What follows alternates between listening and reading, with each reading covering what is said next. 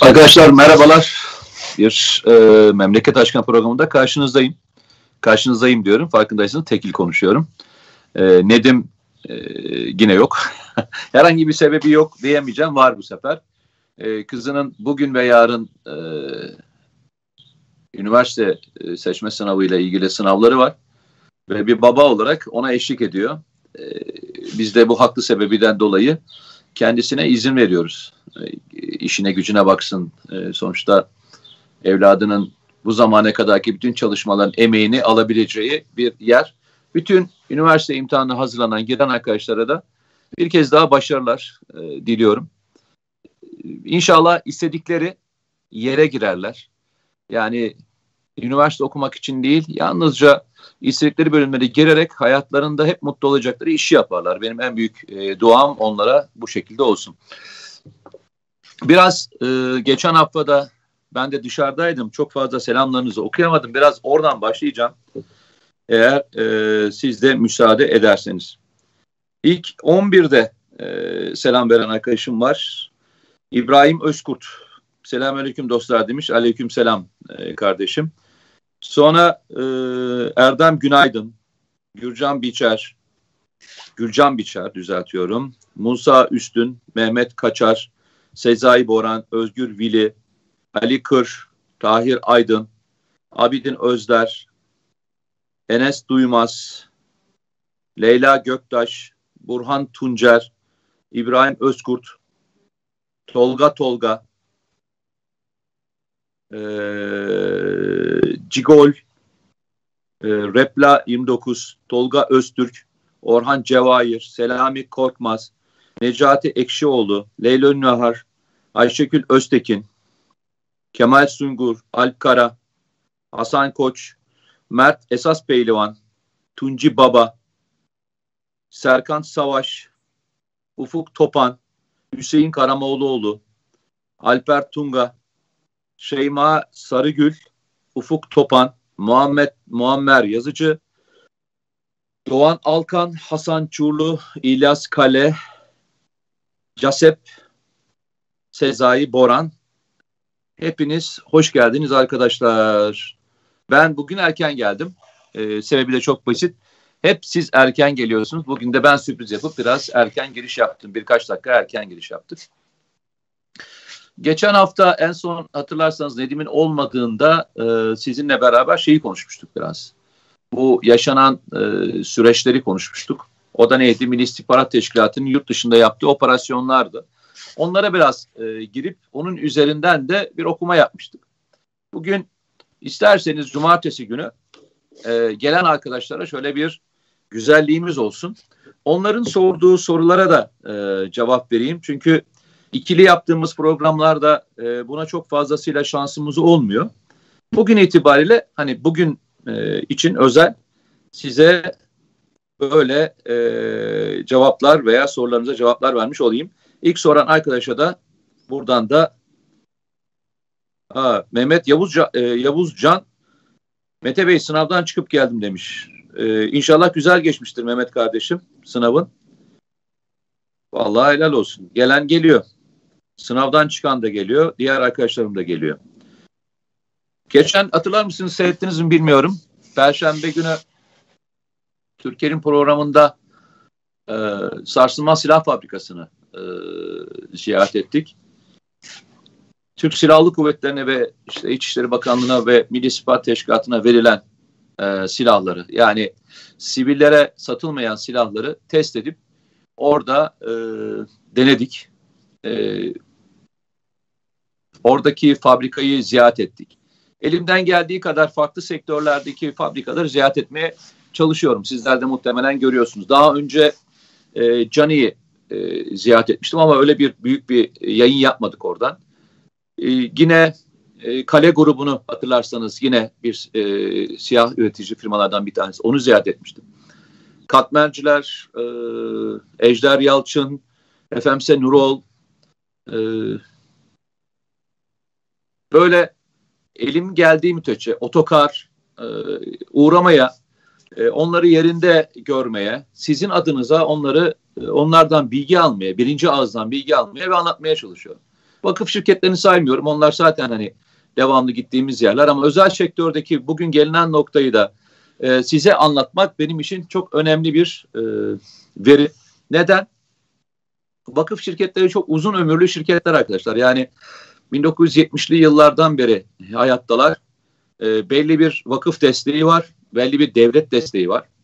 E, bir de işlerini çok iyi yapıyorlar. Bugüne kadar e, çok güzel bir savunma sanayini getirdiler. Ama tabii özel sektör e, kendi e, imkanlarıyla yaklaşık bazı şirketler için söyleyelim e, en uzunu 20 yıllık bir ömür e, ömürleri var. Hadi FMC Nurol'u biraz daha geriye atabiliriz. Onlar 90'lı yıllarda 89'larda 90'da kurulmuştu ilk e, zırhlı araç üretmek için. Ama birçoğu 2000'lerden sonra e, kurulan şirketler. Hatta e, baktığınızda şirketlerin kuruluşlarına baktığınızda yapıya geçişlerine baktığınızda tam performans almaya başladıkları tarihlere baktığınızda neredeyse 2010'ları baz olarak kabul edebiliriz. Yani 10 yıllık bir süreç ve 10 yıllık süreçte bu şirketler e, bu mücadeleyi yani rakiplerinin, rakip özel sektör şirketlerinin 200 yıllık şirketlerine kafa tutar hale geldiler ve onlarla ilgili süreçleri de sizlere ben anlatmaktan büyük bir e, zevk duyuyorum. Onu da baştan söyleyeyim size. Evet e, sorularınız e, şimdi şuradan bakıyorum. Demiş ki arkadaşlardan bir tanesi evet 6 çarpı 6 Orhan Cevahir teslimatları başladı mı? Arkadaşlar dün de e, farkındaysanız bizden sonra Savunma Sanayi Başkanlığı da bununla ilgili bir görsel yayınladı. E, 6 çarpı 6 e, iki tip araç var artık orada arkadaşlar. Birincisi özel operasyonlar aracı dediğimiz araç. Bu özel kuvvetler için yapılan bir araçtı. O bitim yapıldı. Sanırım bu ay içerisinde teslimatları yani tamamı zaten teslim edilecek. Ve diğer e, birlikler içinde, jandarma genel komutanlığı ve diğerleri içinde e, teslimatlar sürüyor. Yani başlayacak. E, yapıl, yapılmış çünkü ben e, gördüm testlerdelerdi. Yani son testlerine, kabul testleri yapılıyordu.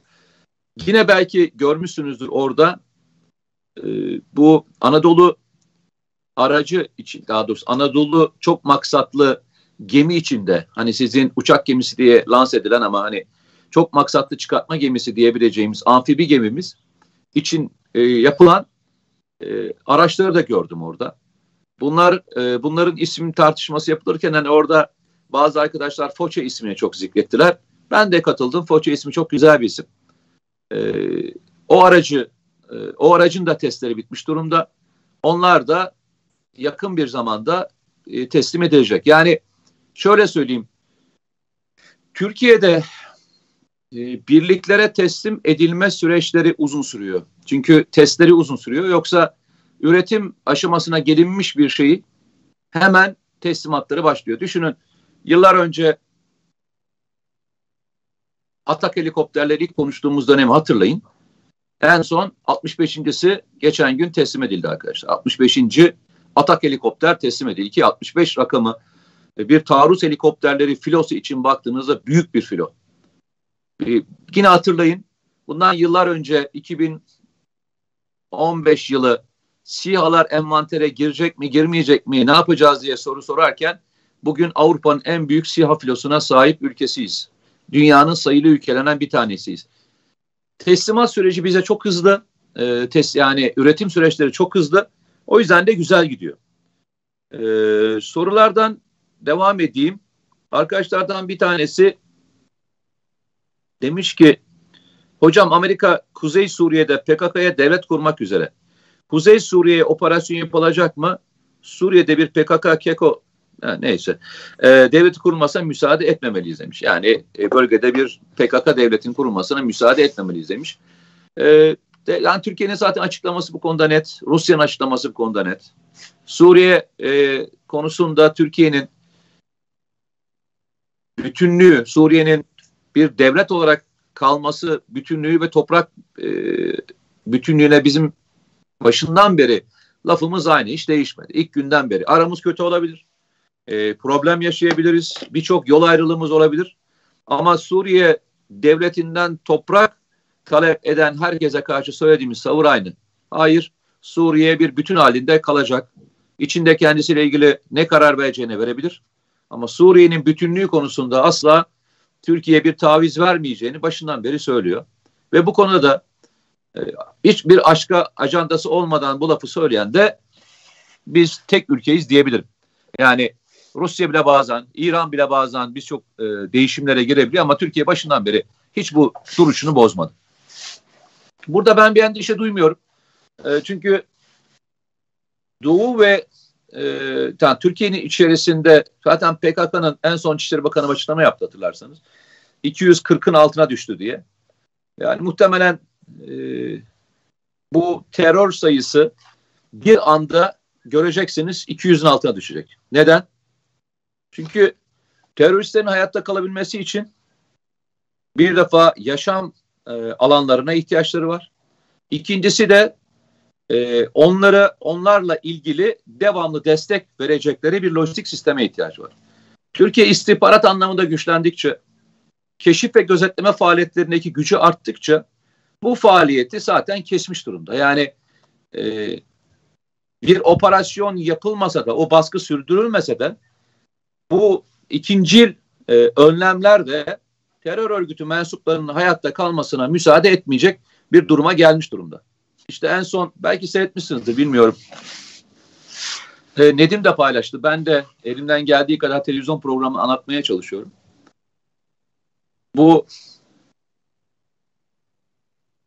en son bir terörist yaralı ele geçirilmişti. Kırmızı bültenle, bültenle aranan. Bu terörist e, askerlerin büyük bir özveresiyle önce hastaneye bayağı da e, yanlış hatırlamıyorsam 4-5 yani 5'in üzerinde mermiyle vurulduğu halde hayatta hayatta tutturdular ve hayatta kaldı. Eyalet sorumlusuydu. Yanlarına sözde eyalet sorumlusuydu. Ve Türkiye'deki eylemlerin büyük bir kısmından da sorumlu olan şahıstan bahsediyoruz. Murat Karayalan'ın evladım dediği bir kişiden bahsediyoruz. Kırmızı bültenle aranan kişiden bahsediyoruz. O hastaneden çıktıktan sonra dışarı çıkamayacağını bilmiş olmasına rağmen yani çünkü şu andaki suçları bir af kapsamına sokmuyor. Biliyorsunuz Türkiye'deki kanun e, bu tür şahısların eğer suç işlememişse dışarıya bırakıyor. Yani teslim olduklarında. Eğer suç işlemişse o suçların cezasını çekinceye kadar e, hapisten çıkmaları mümkün değil. Bu şahıs dışarı çıkamayacağını bilmiş olmasına rağmen ben kendi isteğimle konuşacağım diyor ve konuşmaya başlıyor. Bu konuşmalar sırasında da çok bilgi, anormal bilgiler veriyor. Yani e, PKK'nın kuruluşundan beri yaşanan süreçleri, tabii o kadar uzun bir süreci yok onun ama bildiği kadarına, daha sonra örgüte girdiği andan itibaren de 20 yıllık süreç içerisinde ne yaşandıysa anlatıyor. İlk 11 yaşına daha nasıl götürüldüğünü, arkadaşları nasıl öldüğünü, o gün dağa çıkan ve götürülenlerden yalnızca tek başına kendisinin kaldığını, örgütün üst düzeyinin emperyalizmin nasıl uşağı olduğunu böyle çok net ifadelerle kullandırıyor. Hatta e, siyasi bağlantıların neresi olduğunu, o siyasi bağlantılarla nasıl iş işte çalıştıklarını, örgüte nasıl eleman kazandırıldığını anlatıyor. Şimdi oradaki e, duruma baktığınızda arkadaşlar, oradaki durumu incelediğinizde ortaya bir tablo çıkıyor. Yani anlattıklarından e, söylüyorum. E, zaten biliyoruz ama bir de örgütün içinden bu kadar üst düzey birisinin çıkıp anlatmış olması çok önemli. Örgüt defa eylem yapamıyor. Örgüt eylem yapamadığı gibi örgüt eyleme zorluyor e, insanları ve her çıktıklarında öldürüldüklerini söylüyor. Yani e, SİHA'lar veya Türkiye'nin teknolojisi karşısında eylem yapamadan etkisiz hale getirdiklerini söylüyor. Ama buna rağmen yine zorlandıklarını, yapmayanların öldürüldüğünü ve başka türlü cezalar çarptırıldıklarını söylüyor. Şimdi böyle bir e, ortamda zaten örgüt e, örgütün hayatta kalması mümkün değil.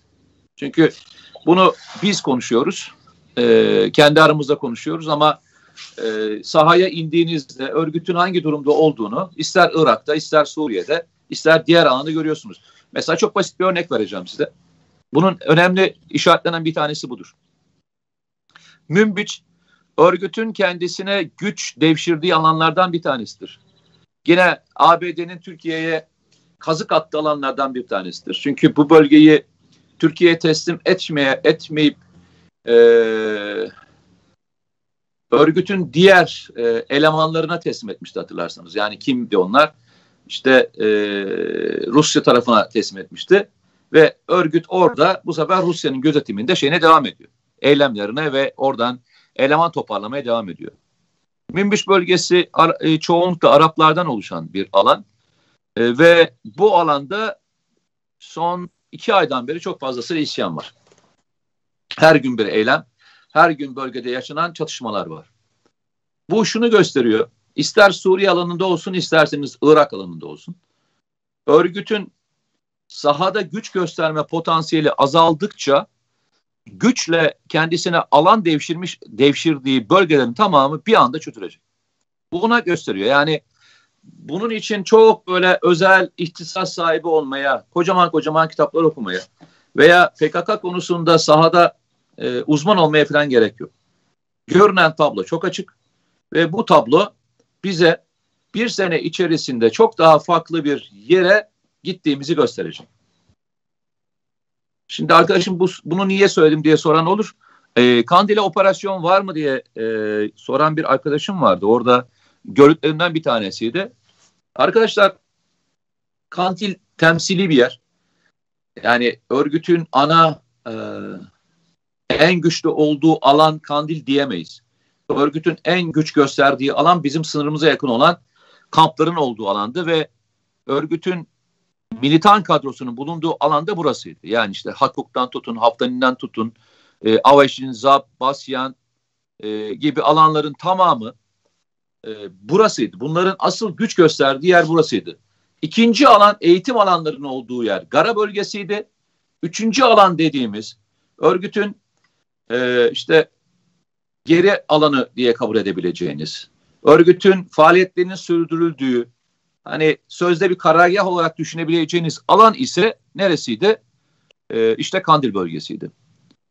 Biz e, zaten sınırdaki alanı temizledikten sonra, Gara alanı temizlendikten sonra e, Kandil bölgesi stratejik anlamda e, çok da alınması zor olan bir yer gibi gözükse de şey anlamında terörist sayısı ve miktarı anlamında e, aynı güçlüğü temsil etmeyecek. Örgüt bu alanlarda yani Suriye alanında ve Irak alanında ve Türkiye alanında zaten kaybettiği andan itibaren Kandil'e tutunmasının mümkünatı yok arkadaşlar. Yani belki biz gitmeden e, biz e, oralara ulaşmadan örgütün silahlı faaliyetlerini bıraktığını e, görebiliriz. Çok iddialı bir kelime değil mi? Yani e, iddialı bir şey söylüyorum ama bu bir gerçek arkadaşlar. Yani örgütün sözde üst düzey yöneticilerin e, yurt dışından e, talep etmeleri, talep ettikleri durumlar. E, baktığınızda katılımın neredeyse sıfıra indiği noktalar, örgütten kaçmanın yoğun olarak yaşandığı e, noktalar. Örgütün şu anda en kolay bulduğu şey silah arkadaşlar. Silah ve para. Ama örgütün şu anda bulamadığı e, şey ise eylem yapamama, bu kadar silah ve parası olmasına rağmen e, yapamama, e, zorla ele e, aldığı, Suriye'de aldığı ve diğerlerden kaçırdığı insanların onun için eylem yapmaması, e, bir de Türkiye'de artık alan bulamaması. Yani belki baktığınızda terör örgütü en büyük silahlı gücüne yani silah anlamında insan anlamında söylemiyor. Gücüne ulaşmış olmasına rağmen işte petrolden gelir elde ediyor olmuş olmasına rağmen belki konjüktürel anlamda ABD'nin desteğini aldığı bir durum gözükse de bu kadar dışarıda güçlü olmasına rağmen en zayıf olduğu dönemlerden bir tanesini Türkiye'de yaşıyor. Allah göstermesin. Yani Türkiye'nin zayıf olduğu, Türkiye'nin zayıfladığı dönemde eğer PKK bu kadar silah imkan kabiliyetlerine ve dış konjüktürel kendisine verilmiş olan desteğini olmuş olsaydı Allah göstermesin ne durumda olacağımızı bir düşünmenizi tavsiye ederim arkadaşlar. Yani bu hepimizin düşünmesi gereken konulardan bir tanesi.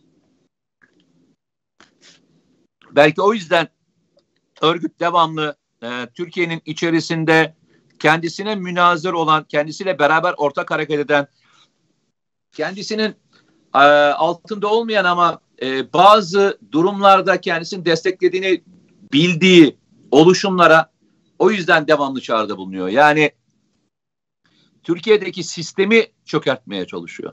Türkiye'deki sistemle e, hesaplaşmaya çalışıyor.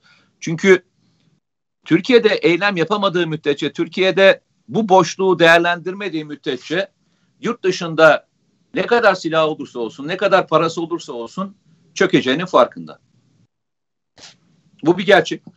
Biz e, bu süreci inşallah doğru yönetmeye devam ettiğimiz müddetçe bu işin altından da hep beraber çıkarız diye düşünüyorum. Biraz e, şeylerinize bakacağım ve oradan da e, devam edelim. Hmm. E, Suriye'de 60 bin kişilik düzenli ordu kurdurmuşlar diye söylemişsiniz. Arkadaşlar yani e, bu düzenli ordu dediğiniz çoğunlukla e, zorla silah altına aldıkları kişilerden bahsediyorsunuz. Biz bunun aynısını Afrin'de gördük. Biz bunun aynısını arkadaşlar Barış Pınar Harekatı'nda da gördük. Yani Barış Pınar Harekatı'nda da karşımızda e, on binlerce e, silahlı grubu göreceğimizi düşünürken o zorla alınan kişiler e, silahlarını e, atarak gittiler. E, o nedenle sayılara çok takılmayın. E, yani e, arkadaşımın dediği şey şu. E, demiş ki Mete abi evet Türkiye'de zayıfladı ama Suriye'de 60 bin kişilik düzenli ordu kurdurmuşlar. Doğru söylüyorsunuz. Ama onun içine o alanların nasıl alındığını, nasıl zorla tutulduğunu, işte o Münbiş'teki olay ondan kaynaklanıyor. Onlara göre zorla askere alınma hikayesinin bir e, süreci bunlar. E, ondan sonra evet Hürjet'in montajına başlandı mı diye e, soruyor arkadaşım. E, 2023'te uçması için benim bildiğim kadarıyla şeye başlandı diye biliyorum. Hürjet'in parçaları üretilmeye başlandı. E, artık onun için bir alan da yapıldığını biliyorum. Hatta şöyle söyleyeyim F-35 içinde bir hangar yapılıyor onu da biliyorum. Yani bu üretim montaj aşaması için yapılacak olan F-35 için bu düş yapılıyorsa şu anda e, muhtemelen Hürjet için de montaj e, aşamasına gelindiğini söyleyebilirim. Çünkü biraz daha geç kalınırsa zaten e, yetişmesi mümkün olmayabilir. Benim bildiğim parçalar üretilmeye başlandı diye biliyorum. Evet. Başka sorular? Hmm.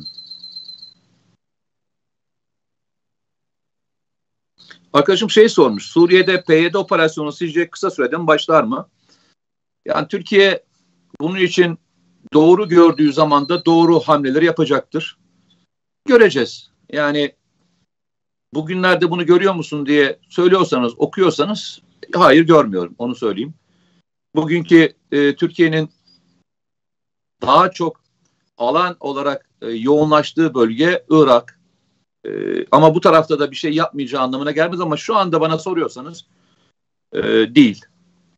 Bir operasyon yapması için çok mu uzun zaman geçmesi gerekiyor? Yok. Türkiye böyle bir operasyonu planlamıştır. Harekat planlarını oluşturmuştur, kenara koymuştur. Hangi birliklerin gideceği de bellidir arkadaşlar. Böyle bir operasyonu yapma kararı aldığında çok kısa bir sürede yani birkaç hafta içerisinde operasyona başlayabilir. Evet şeyi sor, sormuşsunuz. Ee, onu ben de konuşmak isterim. Ee, Afganistan mevzusu yani Afganistan'da olmalı mıyız olmamalıyız mı mevzusunu sormuşsunuz. Ee, ben şöyle söyleyeyim. Afganistan mev mevzusu biraz tabii riskli bir mevzu. Yani şöyle e, riskleri barındırıyor. Biz bugüne kadar gittiğimiz yerlerde ve bulunduğumuz alanlarda silahlı bir çatışmanın parçası olmadık. Tabii dost ve müttefik e, dediğimiz kavram içerisinden bahsediyorum. Ama Birleşmiş Milletler ve NATO kapsamında bir yere gitmişsek biz bu kavganın bir parçası olmadık. Çoğunlukla barışı ve oradaki insanların hayatlarına idame ettirmeyle ilgili olan projelerin içinde yer aldık. Yani Afganistan'a gidildiğinde gidildiği tarihten andan itibaren Türkiye iki tane misyon vardı orada. Bir Amerika Birleşik Devletleri'nin öncündeki bir misyon vardı. Bir de NATO'nun farklı farklı misyonları vardı. Biz daha çok geri plandaki insanların işte eğitimiydi, e, askerlerin eğitimiydi, okulların yapılması, hastanelerin yapılması, e, altyapının oranlanması ile ilgili olan projelerin içerisinde yer aldık. Havalimanın e, güvenliği konusunda e, yardımcı olduk.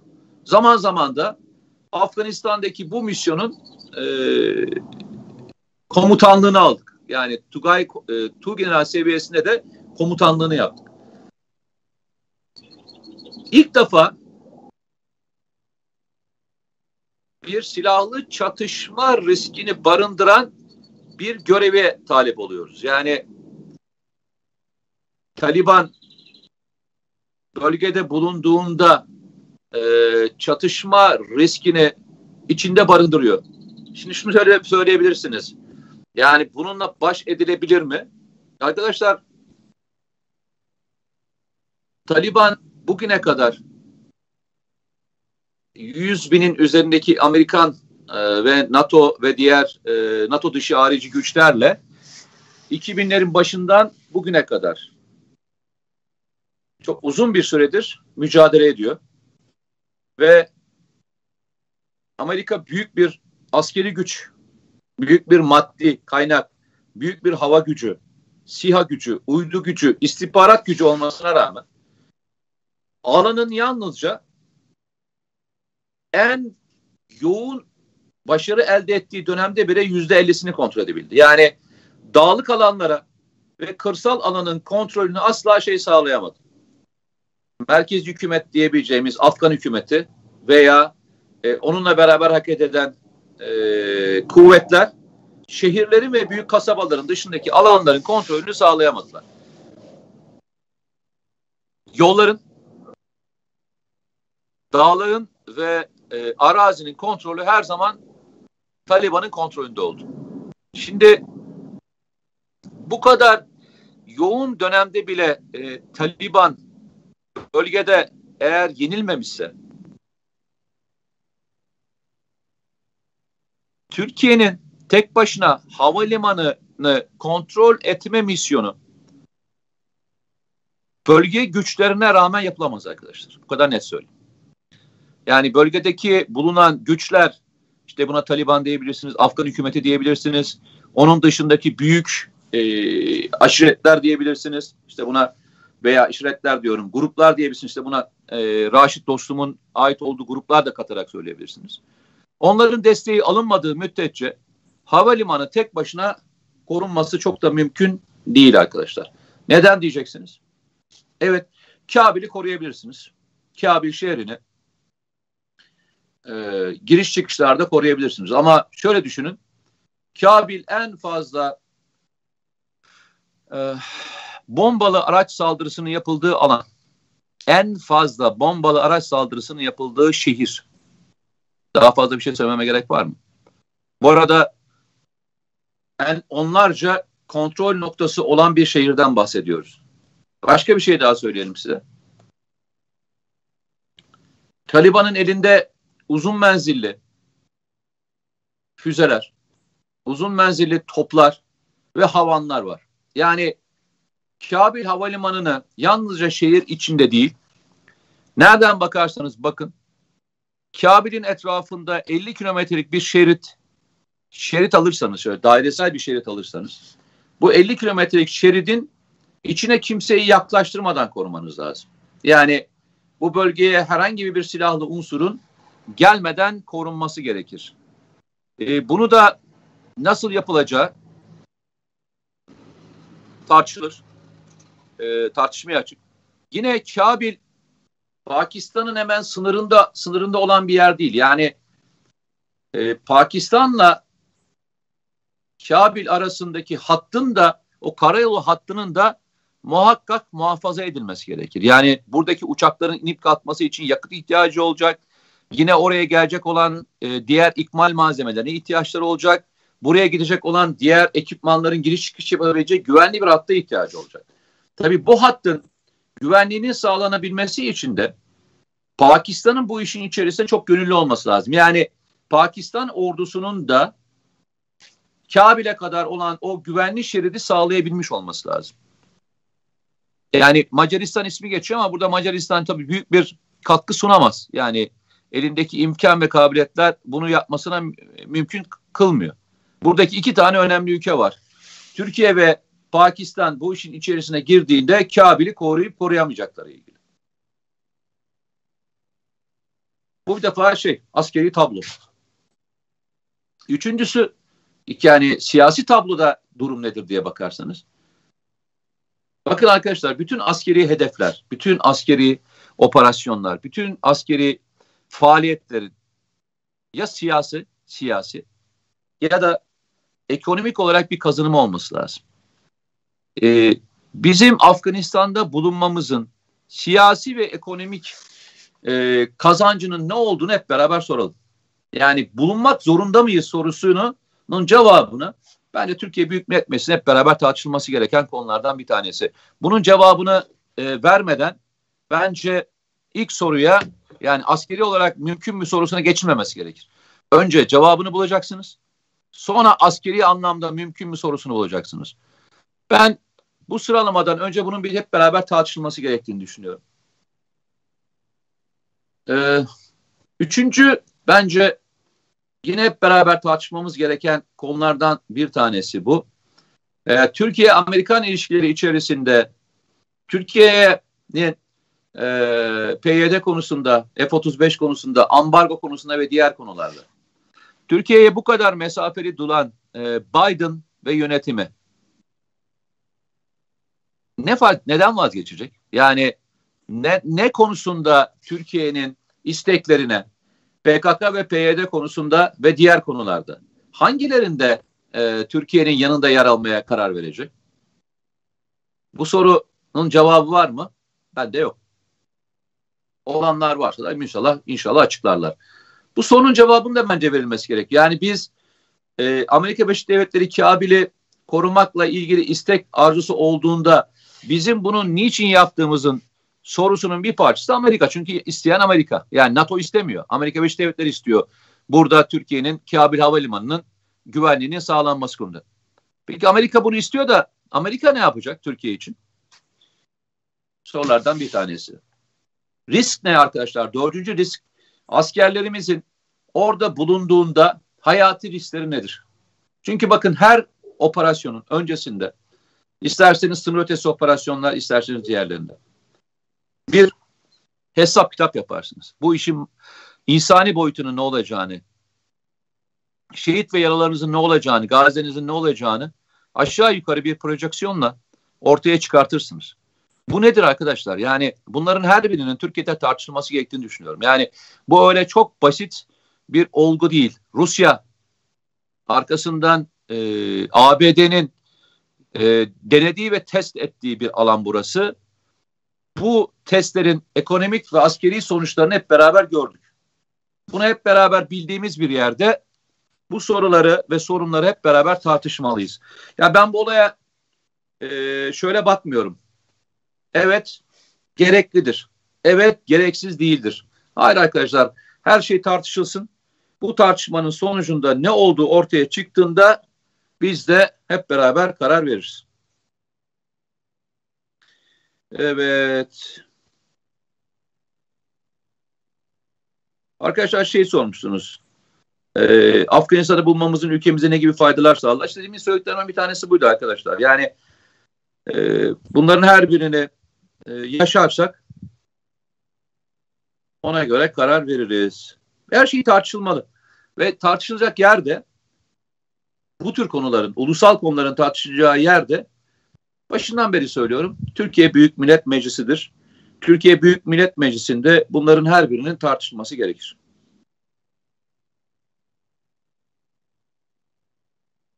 Evet. Arkadaşlardan soru soran şöyle bir soru vardı. Dur onu yakalamaya çalışıyorum. Güzel bir soruydu.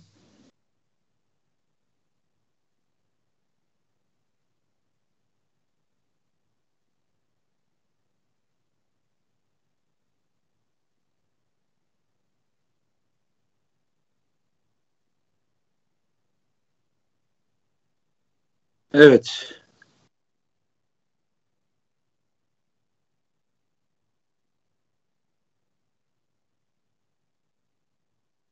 Burada yine anladığım kadarıyla birkaç tane araya sızan adam var.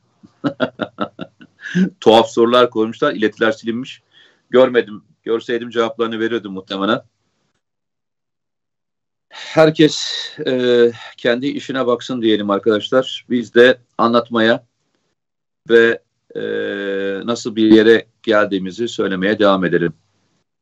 E, Nedim abi nerede diye sormuşsunuz. Abi Nedim abiniz e, kızının üniversite imtihanını takip ediyor. Bugün ve yarın onunla ilgileneceği için müsaade istedi. Geçen hafta içinde iki defa daha sattı. Bu üçüncü satması.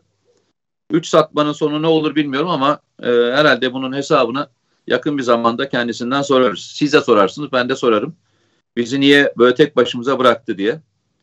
Yani memleket aşkının ya memleketi yok ya şu anda ya aşkınası yok. Hangi tarafı olduğunu bilmiyorum. Tek taraflı üç defadır sizin karşınıza çıkıyorum. Sizi de ihmal etmemek adına öyle söyleyeyim. Çünkü bir program oturtturduk. O programa elimden geldiği kadar e, sadık kalmaya e, çalışıyorum. Evet sorulardan bir tanesi Azerbaycan'da siyah fabrikası kurulacak. Ne düşünüyorsunuz diye sormuş. Arkadaşlar dost ve müttefik ülkelerde bu tür faaliyetleri yapabilirsiniz. Bu tür faaliyetleri icra edebilirsiniz. Şeyi sorabilirsiniz bana yani niye elimizdeki böyle bir gücü e, başka yere veriyoruz diye. Arkadaşlar hiç öyle düşünmeyin. Yani Türkiye hiçbir zaman e, kardeşi olmadığı şeyin nasıl dersiniz siz ona? Amerika'nın ama Türkiye'de F-16 üretim fabrikası kuruldu. Ve çok uzun zamandan beri de bu üretim yapıyoruz. Yani Amerikalılar bize F-16 fabrikasını kurduruyorsa biz de e, Azerbaycan'da ortak bir üretim fabrikası kurarız ki hepinizin malumu aynısını nerede yaptık? Ukrayna'da da e, TB2 ile ilgili bir ortak üretim e, faaliyeti icra ediliyor. Çünkü onlar da bize motor konusunda e, nasıl diyeyim size teknoloji transferi yapıyorlar. Birçok konuda teknoloji transferi şu anda karşılıklı yapılıyor. Ülkeler birbirlerine karşılıklı e, teknoloji transferleri yaparak bulundukları noktadan yukarı doğru çıkmaya çalışabilirler. Zaman kazanabilmek adına. Bence Azerbaycan ve Pakistan bence bu statünün dışındaki iki ülke. ikisine de e, her türlü konuda karşılık beklemeden yardım edeceğimiz iki ülke diye değerlendiriyorum. O yüzden de e, adını öyle okuyalım. Başka bir şey daha söyleyeceğim. Belki gözden kaçıyor. Son dönemde birçok tatbikat yapıldı. Ama bu tatbikatları içine bence en anlamlardan bir tanesi Dün aslında e, müsait olsam olsam ben de gidecektim. Anadolu Kartalı, Kartalı e, tatbikatının son gününe katılacaktım briefing safhasına. Dört ülke katıldı biliyorsunuz. Türkiye, Pakistan, Azerbaycan ve Katar. E, farklı farklı tiplerde ve farklı farklı uçak modelleriyle gelindi. Ve bir ortak tatbikat icra edildi. Bence son dönemde Türkiye'ye e, hava kuvvetleri anlamında güç gösterisinde bulunan ülkelere en iyi cevaplardan bir tanesiydi.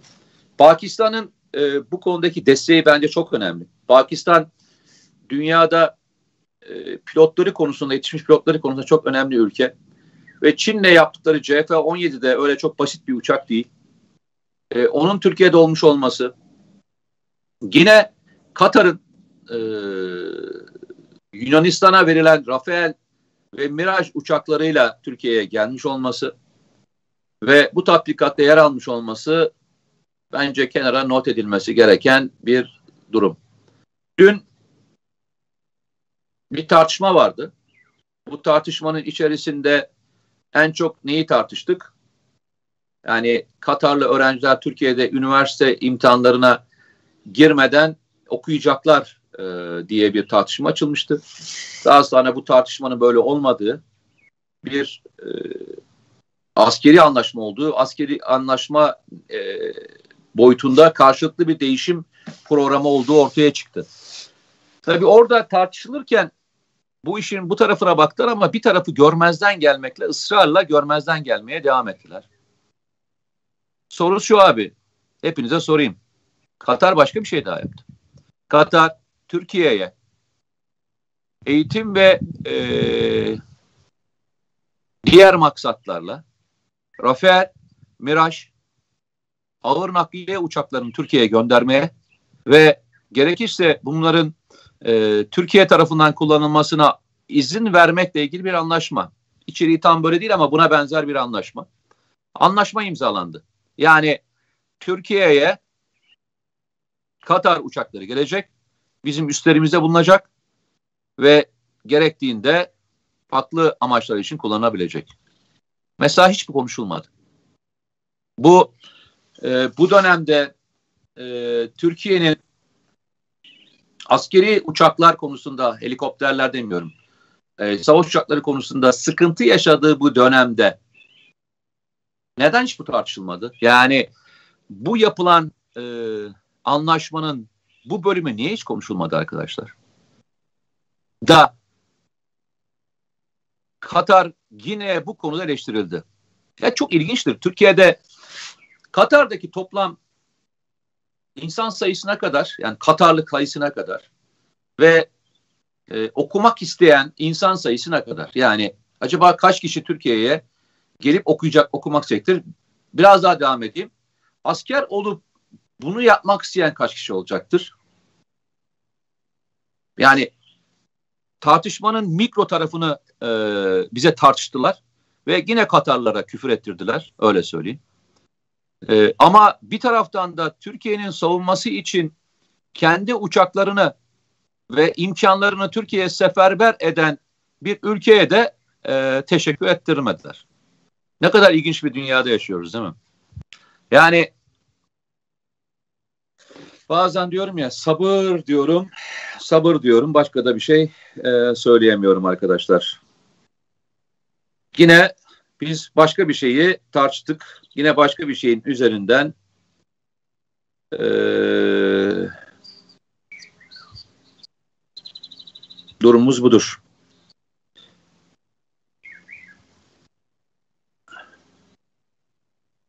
Evet arkadaşlar saat 13.41. Ben tek başıma tam 41 dakikadır konuşuyorum. Ee, sizler de beni e, nezaketle 41 dakikadan beri hiç sayı yazılmadan artarak izliyorsunuz, görüyorum. Ben çok teşekkür ediyorum. Ee, inşallah bir dahaki yine her defasında böyle dua ediyorum ama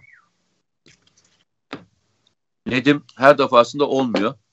Ee, bakalım inşallah bir sonrakinde çarşamba günkünde olacak mı olmayacak mı bilmiyorum. Ama ben elimden geldiği kadar e, sizin karşınızda olmaya devam edeceğim. Çünkü Nedim adına bir şey söz veremiyorum. Yani programlarını bilemediğim için e, bugünlerde e, şey yapamıyoruz da hani e, evlat olunca ağzımızı açmak e, lafı yok. Orada bitiyor. Sağlık olunca bitiyor. Aile olunca mevzu bitiyor. Bakalım. Ben kendi adıma en azından inşallah diyerek e, beraber olmak isteğimi belirteyim. Çarşamba günü görüşmek üzere. Lütfen rica ediyorum. Yaşananları politik olmadan, politize olmadan, manipüle olmadan lütfen farklı farklı kaynaklardan okumaya devam edin. Ve okuduğunuzda zaten doğruya ulaşacaksınız.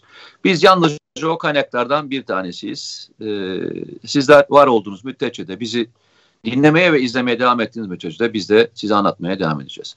Kendinize iyi bakın. Allah'a emanet olun. Görüşmek üzere.